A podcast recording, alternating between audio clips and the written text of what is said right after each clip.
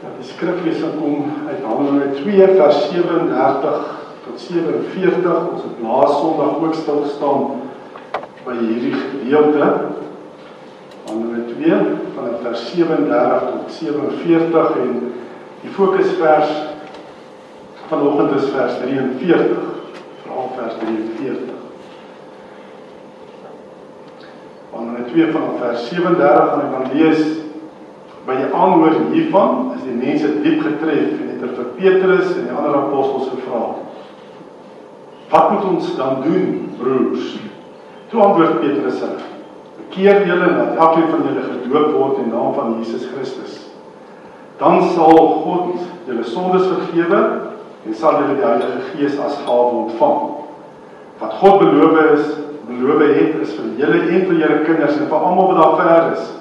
vir almal wat die Here ons God na hom toe sal roep. Met nog ander woorde Petrus getuig en hulle aangespoor: Laat julle red tussen hierdie ontaarde mense uit. Die wat sy woorde aangeneem het, is gedoop en omtrent 3000 mense is op daardie dag by die getal van gelowiges gevoeg. Hulle het hulle heel hartig toegedeel op die leer van die apostels die onderlinge verbondenheid, die gemeenskaplike maaltyd en die gebede. Die apostels het baie wonders en tekens gedoen en het almal met diep ontzag vervul. Al die gelowiges was eensgesind en het alles met mekaar gedeel. Hulle het hulle grond en besittings verkoop en die geld aan almal uitgedeel volgens elkeen se behoeftes. Hulle het almal elke dag getrou by die tempel bymekaar gekom, van huis tot huis die gemeenskaplike maaltyd gehou. Hulle kos met blydskap en in alle eenvoud geëet en God geprys Die hele volk was hulle goedgesind.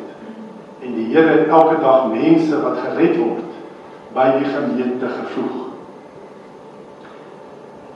Ja, laas Sondag het ons gefokus op hierdie gedeelte. En dit gaan oor daai veral die einde van vers 47 en die Here het elke dag mense wat gered word by die gemeente gevoeg. Ons het gekyk laas Sondag, wat is die begin kyk eintlik wat is die kenmerke van 'n gemeente wat Christus waardig genoeg ag om sy geredde kinders te voeg. En uh, wat ons weet dit werk net so nê, um, as jy iets kosbaars het, gaan jy nie sommer enige iemand se sorg toevertrou nie. Jy moet 'n paar vereistes stel vir die persoon aan wie se sorg jy toevertrou. Ehm um, ek het genoem ook om sê as jou kind nê, ehm um, na kraamverlof en nou moet jou baba kind iemand se sorg toe vertrou, gaan jy sommer enige dag moeder kies. Gaan nie sommer enige iemand jou buurvrou vra so nie. Jy gaan 'n paar vereistes hê. Jy gaan op die rond kyk, ondersoek instel 'n vereiste stel vir 'n dag moeder om te kyk na jou kosbare kind. En dit is so ook. Ons is kosbaar vir Jesus. Sy geredde kinders. Baie kosbaar. Hy het dan die hoogste prys betaal vir elke kind van hom. Nee, hy het gesterf aan die kruis vir elke kind se sonde. Die duurste prys betaal. En dan gee hy ook sy gees in hierdie kinders se harte wat hulle bring tot geloof en werk in hulle harte sodat hulle glo in hom en gered word. God is 'n persoonlike God. Hy het soveel persoonlike aandag wat aan elke kind van hom gee. Dat hy ook hierdie kosbare kinders nie sommer net aan enige gemeente se sorg sal toevertrou sê, ag dis reg nie. Daar's kenmerke, sekere kenmerke nê, nee, sodat die Here elke dag mense wat gered word by die gemeente te voeg. Dan is die vraag, is ons waardig? Is ons waardig? Ek gaan vinnig laas Sondag se paar kenmerke saamvat en dan kom by vers 43. Ons het laas Sondag gesien 'n waardige gemeente, een van die hoofkenmerke van 'n waardige gemeente is 'n gemeente wat 'n ware liefdesgemeenskap vorm. 'n gemeente waarin daar koinonia is, die Griekse woord koinonia. En koinonia beteken saamleef, liefde vir mekaar. Dis wanneer mense bymekaar kom en groei in hulle liefde tot God, saam groei in hulle liefde tot God en saam groei in hulle liefde vir mekaar. Dis koinonia. Die uitvoering van die groot gebod, Liefde vir God, liefde vir mekaar. Ons moet mekaar lief hê want jy is geskaap na God se beeld. Hoe kan ek sê ek het God lief? Maar ek haat dalk iemand, nee, of ek wrok het teen iemand in die gemeente wat na God se beeld geskaap is. Dit kan nie. Dan sal nie kononia breek, die kononia gebreek. Net is hy saam wees, dit groei in 'n liefdesgemeenskap, in 'n waar liefde vir God uitgeleef word en liefde vir mekaar uitgeleef en waar dit groei. En ons is na die eerste gemeente, daar's vyf fasette van 'n liefdesgemeenskap. Die gemeente het geestelik warmer gegroei deur die liefdesgemeenskap. En as jy al hierdie verse kyk, vanaf vers 37, vra vers 42 tot 47, sien ons hier's 'n paar eienskappe. 'n Gemeente het geestelik warmer gegroei deur die liefdesgemeenskap. Hulle het geestelik dieper gegroei deur disippelskap. Hulle het geestelik sterker gegroei deur God te prys en te aanbid geestelik opgebou deur die dienswerk van lidmate bedien hulle want ons is nie lidmate eintlik nie ons is ledemate van die liggaam van Christus. Ons almal het gawes dat hierdie liggaam hier nodig het. Om mekaar opbou. En dit groter gegroei deur die evangelisasie te getuig na buite van God se liefde in Christus. En dis wat nodig is om 'n ware liefdesgemeenskap te vorm En ek het ehm um, nou nie hierdie week vorige week terwyl ek voorberei het vir Laassondag se boodskap, lees mes die kommentare en die kerkgroei boeke en so. En ek praat daar, fokus afsit hierop.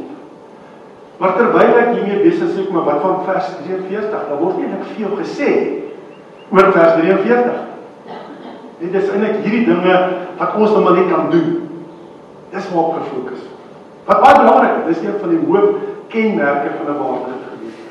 Liefdesgemeenskap. Maar in die boeke en in die kommentare lees ek nie veel van vers 43. Daar word gesê dis apostels is. Nou staan en dis 'n ander hoofkenmerk van 'n gemeente. Toe laasweek vir hulle sê maar hier moet ons ook aandag. Vers 43. Die apostels het baie wonders en tekens gedoen en dit almal met diep ontzag vervul bonatuurlike werke van die Heilige Gees. Wonders en tekens. Ek kom agter met my baie westerse bril en agtergrond die rasionalisme lees mens hierdie gedeeltes en sulke verse gaan jy amper net oor. Jy skiep. Want ek kan dit met my kop ons uitsorteer. Wonders en tekens. En dit maak eintlik God se werk in kleiner. Nee, nie daai wat die Heilige Gees in wonend werk, die liefde vir mekaar en liefde vir God. Maar God is 'n bonatuurlike God. Ons kan hom nie verklaar. En daarom wil ek vanoggend eintlik kyk hoekom, 'n paar redes gee hoekom hierdie bemagtigende werking van die Heilige Gees, die bonatuurlike werking van die Gees, baie keer in gemeentes genegeer word, nê? Word nie eintlik aandag gegee nie. 'n Paar redes gee dat ons dit kan besef, maar dit moet ook gebeur Dis ook 'n hoofkenmerk van 'n gemeente wat waardig genoeg is vir die Here om sy geliefde kinders te voeg. Dis wonders en tekens. Signs and wonders, né? Soos die mense gewoonlik praat. En wat ek al baie kritiek oor gehoor het oor signs and wonders, maar staan in die Bybel. Paulus, waar wil my stil staan? Hoekom ons eintlik daarna kyk nie? Die eerste is Wonders en tekens word hoofsaaklik gesien as die bewys van Jesus se godheid en om suiwere doktrines te vestig. Eilik lees baie mense die Bybel, gelowiges, teoloë. Hulle sê ja, dit gebeur. Maar dit was eintlik maar net om te wys Jesus was die seun van God, hy was self God. En dit het dalk ook nog gebeur deur die apostels want hulle moes suiwere doktrines vestig net vir die kerk. En daarom word dit dalk net beperk. Tekens ons tot Jesus se bediening op aarde en sy apostels.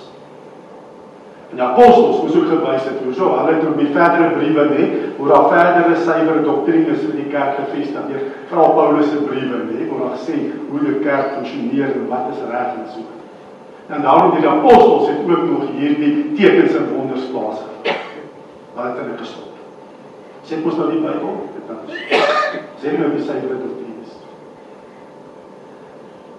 Maar as die Bybel gesê die Bybel is die woord van God. En wat so hartseer is, net mens hoor van jy weet hierdie wêreldse gees, ehm um, hoe dit in die kerk ook inkom, nê? Die wêreldse gees vandag sê ons moet inklusief wees. Nie eksklusief nie, inklusief. Jy moet alles en almal kan aanvaar hoe hulle is.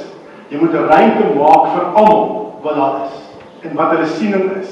Wat hulle waarheid is, dis nie jou waarheid almal aanvaar en dis hoekom alles is almal en daar selfs nou 'n praat van progressiewe Christene.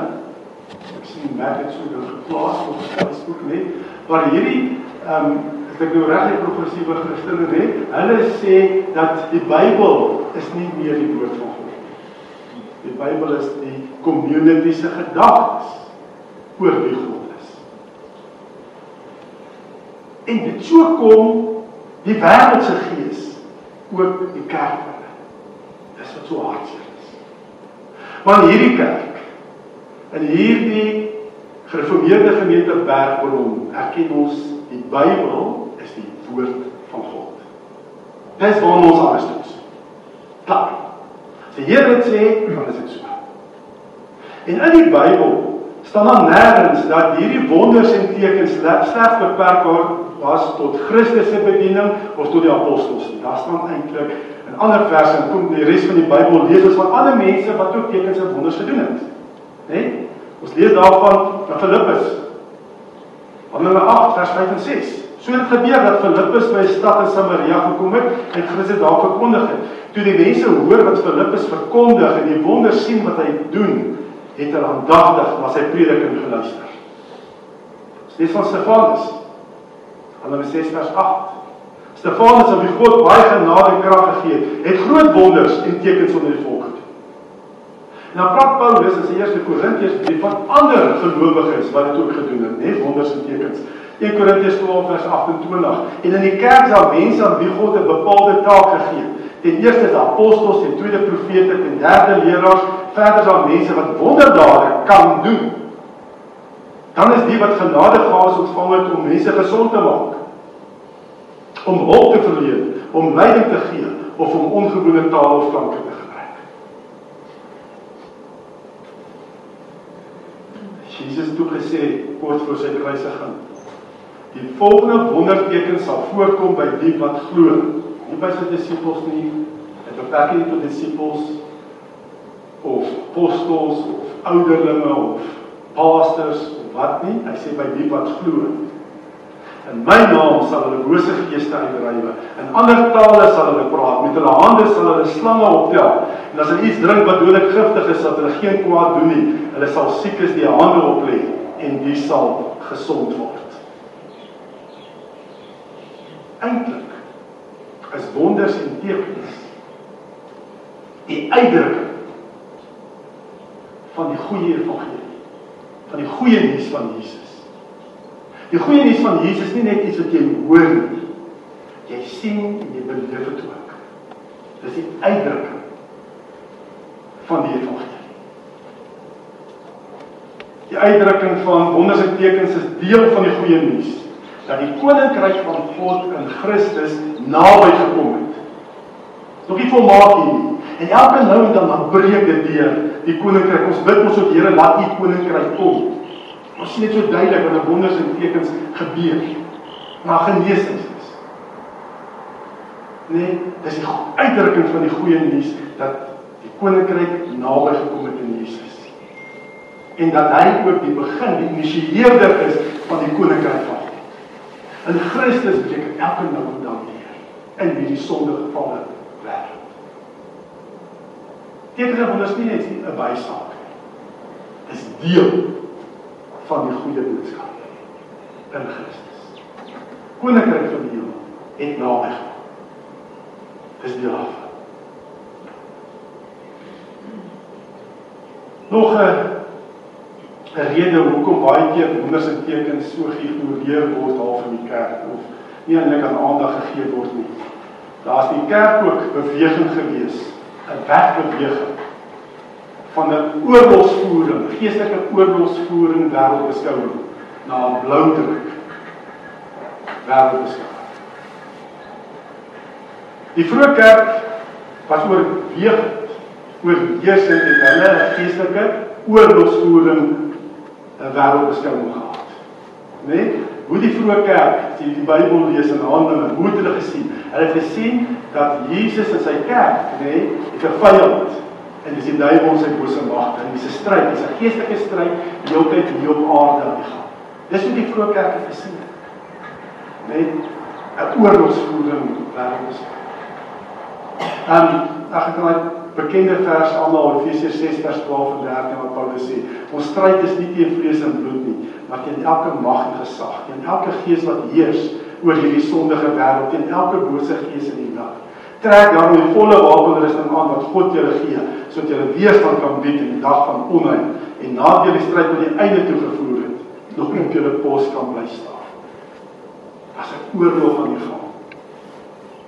Dis wat agter alles wat hier op aarde gebeur. Dit begin in die geestelike riem. Vestings, verkeerde vestings wat opgerig word om mense se lewens en gedagtes en dit wat Satan sy ding weer voor jou waarde. Stryd is nie teen daai sekere politikuste nie.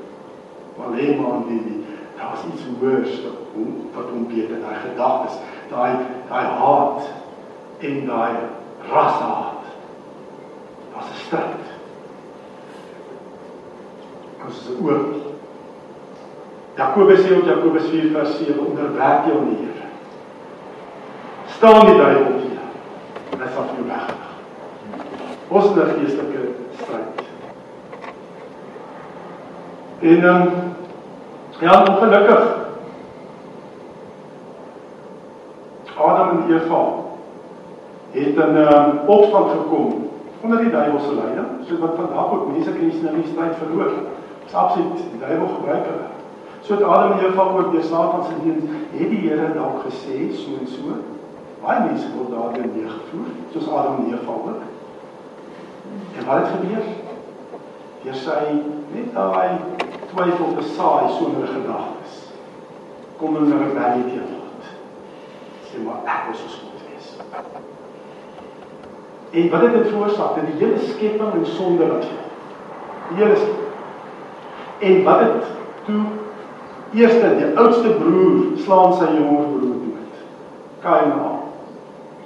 En siektes en gebrokenheid word deel van hierdie wêreld waar ons leef.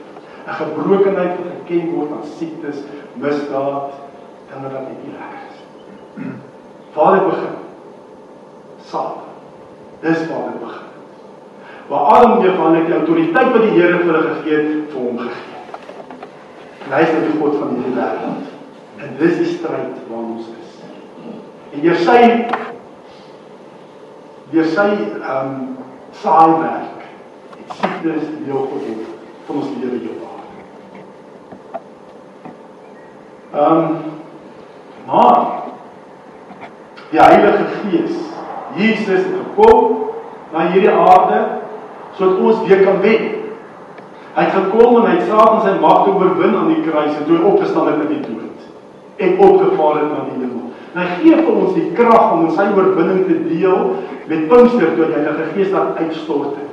Dat die Heilige Gees gee ons krag in hierdie stryd teen die bose en sy demoniese bindings om te kan oorwin en die waarheid in Jesus te ken en te kan vry wees en 'n oorwinning te kan lewe. Ons deel in Jesus se oorwinning.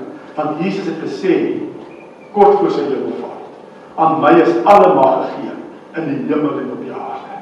Jy onthou, ek is by julle al die dae tot die volëinding van die wêreld. Ons deel in Jesus se oorwinning. Ons deel in sy autoriteit in hierdie stryd teen die bose en sy mag. Ons het die Heilige Gees. En die Heilige Gees is almagtig. Dis God se Gees. Dan word hy in en deur ons en kan doen. Hierdie oorlogsvoering wêreldbeskouing geestelike oorlogsvoering wêreldbeskouing is in die kerk het daar 'n skuif plaasgevind en dis bietjie meer een kant toe geskuif. En daar's oorbeweeg in die kerk na 'n blou druk wêreldbeskouing. Blou druk wêreldbeskouing waar gesê word, weet jy, God het alles vooraf bepaal en voorbeskik deur sy wil. Alles wat gebeur, nê, nee, het God bepaal net die predestinasie leer en eintlik kan ons niks aan doen nie. So siektes en al hierdie goedes wat oor jou kom, swaar kry lyding lê, dis God se wil. Dis vooraf beskik deur God se wil. Wat dan as jy dit begin aanneem, as jy so begin eensydig, ons weet God bepaal dit vooraf, maar daar's 'n eensydige klem en ons mense kan nie mooi alles uitsorteer nie. Selfs Paulus sê in Korintiërs 13, ek kyk in 'n spieël en 'n raaisel nie. Eendag in die hemel sal ons alles ken. Maar as ons eensydig met ons menslike denke so eensydig net kyk na die predestinasie leer, nê? Die voorbeskikking van die Here dat hy alles net bepaal het nie. Wat gaan gebeur? Jy gaan nie bid dat jy moet genees nie.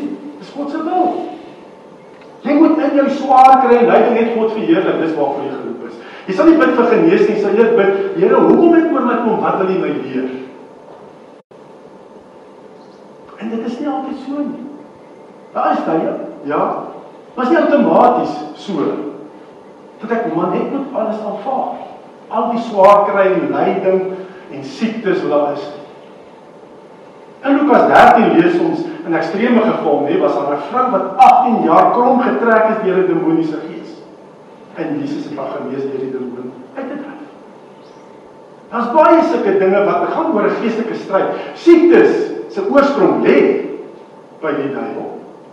Want jy die sondeval het dit deel van ons lewe geword. Ek sê nie alle siektes is as gevolg van demonisering nie. Glad, dis nie wat ek sê. Ekstreme gevalle kan dit wees waar mense hulle lewens oopgemaak het teen werking van die Gees. Hy gaan jou kom krom trek. Hy gaan jou bid. Jy speel nie met hom nie. Duiwel se mag. En daarom pas op om te sê uitgespaar deur die genade van die Here. Broer, hoe gaan dit? Goed onder die omstandighede. Ek het al baie gesê in Jesus is nie onder die omstandighede nie, ons moet bo die omstandighede Jesus se autoriteit gebruik om bo die omstandighede te wees. Dit sou kom net alles net te sê ag wat. Dis maar net. Jesus sê nou, ons nie verskyn en glo ons dit ek weet nie. Ek het die lewe gebring en lewe in oorvloed. Paulus sê verlei in sy Filippense brief in die tronk. Dink vandag se tronk is nie lekker nie, maar dink daai dag se tronk was baie lekker. En hy sê wees bly hier. Wees bly met die Here se naam. Filippense brief. Praat met die Here, maak al jou begeertes aan die Here bekend. Die Here kan ons op as meer as ons oorwinnaars is. Dat ons bo die omstandighede is. Moenie te blou druk wêreldbeskouing aanvaar. Ek kan nie vir die Here sê wat hy bepaal het of so. Los dit vir die Here, hy weet hoe om dit te doen. Fokus op die geestelike stryd wat hier aan die gang is. Fokus sê Here, U kan vandag nog 'n wonder werk. Kom doen dit in en deur my. Want dis 'n ander kenmerk van 'n kerk wat God getrou ag. Daar word ruimte gemaak vir die Heilige Gees se natuurlike werk. Se bemagtigende werk. Dis wat die Handelinge 2. Baie mense praat, ons moet Handelinge 2 gemeente wees, Handelinge 2 gemeente. Dan praat ons heeltyd van daai liefdesgemeenskap en dis waar. Dis net so belangrik. Maar die bemagtigende werk van die Heilige Gees word aan die ruimte gegee. Hier die inwonende werking wat liefde eerste vrug, die vrug van die Gees. Lyding moet ons ook nie altyd gaan verkeerd verklaar want dit plaas baie keer dat lyding word gesien om um, ja, siektes en swaar kry wat jy beleef het en dit word dan maar gesien as die kruis wat jy moet dra en Jesus in hierdie swaar kry lyding maar net bly verheerlik. Ek dink ware Christelike lyding is nie maar net om die siektes en swaar kry en seker goed te beleef en net lydsaam met net die Here te verheerlik nie. Ware Christelike lyding is wanneer jy swaar kry en beproef word en vervolg word omdat jy glo in Jesus en omdat jy hom gehoorsaam. Dis ware Christelike lyding. Nie maar net jy die lewe van vaar en swaar en misdaad en die goeders nie. Nee. Dis wanneer jy vervolg word omdat jy geloof uitleef in Christus. Dis ware Christelike lyding. Beproewing weens geloof en gehoorsaamheid aan Christus. Soos ons kyk na die twee hoofkenmerke van 'n waardige gemeente waarby Christus sy geredde kosbare kinders voeg, dan is dit daai liefdesgemeenskap wat gevorm word deur die inwonende werking van die Heilige Gees in die lidmate, nê? Waar waar ons vernuwe uh, na die beeld van Jesus met sy vrug. En die tweede kenmerk is wat daar ook ruimte gegee word vir die Heilige Gees se bemagtiging. Bonatuurlike werking deur sy gawes. Daai twee kenmerke moet daar wees. En ehm um, beleef dit net meer en meer hoe meer ons hieroor praat met mekaar en ruimte gee vir mekaar, hoe meer gebeur. Baie voorbeelde van bevrydings wat plaasvind. Hoe mense dit in 'n gebed skielik dan sien kom hulle vry van ander hulle lewens. Net deur 'n gebed wat in gees en waarheid gedoen word. Waar gebid word en en, en bande gesny word met vrymesselaars en sulke dinge. Hoe daai mense verdruk word en dan vrykom. Kyk voor. En hoe meer en meer ons ruimte gee oor vir die Here vir genesing, so meer en meer gebid word. Ons ervaar getuienis ons kan leer. Wat my wonderlik was, ehm um, so ruk terug bel ek my suster net. En ek bel haar is in verband met 'n yskas en so vir die kinders wat universiteit toe gaan. Ek vra van hoe gaan dit met Sy sê toe nee, nie so lekker nie. Sy het 'n ruk terug het sy 'n operasie na voet gehad, penne ingesit wat 'n sterk breek en so. En toe sy nou na die operasie nou 'n paar maande later en sy daar seën te kuier en sy geklein weer geval het. Dis nie lekker. Hy seer. Sy toe kyk gou vir jou bid. Hy gou, nog nie gou nie, maar kan ek jou bid met hy. Ek bid, Here, gee my Sy het sien sy die volgende oggend op die familie WhatsApp groep. Prys die Here ek het vertrou. Dit is die naam.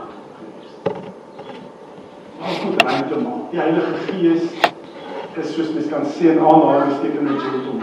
Jy kan hom weerstaan, jy kan hom bedroef, jy kan hom teëstaan in jou lewe. Hy kom nie forceer homself af op ons. Kom ons erken hom as die derde persoon in die goddelike eenheid. En gee vir Heilige Gees ook hier geleentheid om te kom doen wat hy wil doen. Wat hy wil doen. Natuurlik gaan ons nie alles aanvaar nie. Die Here sê ook, né, in 1 Tessalonisense 5 vers 19 en 20, sê toets alles. Toets. Moenie die werk van die Heilige Gees teestaan nie, maar toets. En veral die profesie, moenie dit teestaan nie, maar toets dit. En dis wat ons moet doen. Mag jy ruimte vir die Gees hier kan werk. Hoe toets jy? Dit sal nooit teen die woord van die Here wees nie, teen die Bybel die Heilige Gees. Sal nooit waar wees nie. Dis die eerste toets. Dan kan ons dan aangaan met ander dinge. Sal nou wees. 1 Korintiërs 14 vers 3. Bevestiging van die Here wees vir jou. Sal veel verder gaan. En ek wil vra dat ons regtig ook ruimte sal gee dat die Heilige Gees wonders en tekens kan doen in ons lewe. Nie net sê ja, dit is so, kan dit doen nie. Ons maak geleentheid. En ek wil nou ook geleentheid gee, ek gaan nou tyd gee vir stil gebed. En ek gaan vra, nee, as die Here met jou praat vir 'n spesifieke profetiese woord vir ons gemeente. Nee, van net in sy woord Bybel is. Dat die Here vir een van ons gee. En dat daai persoon dit met ons profetiese gawe sê Paulus in Korintiërs 14 is een van die mees algemene gawe wat moet gebeur in ons as gemeente by mekaar. Kom ons raak stil, maak ons so toe. Ons vra dat die Here met ons sal praat. Here, ons kom en en vra Here, Heilige Gees, ons erken U as God, as die derde persoon in die goddelike drie-eenheid. En Here Heilige Gees, alles wat ons hier op aarde uit ons eie menslike vermoë en vlees doen, kom tot niks.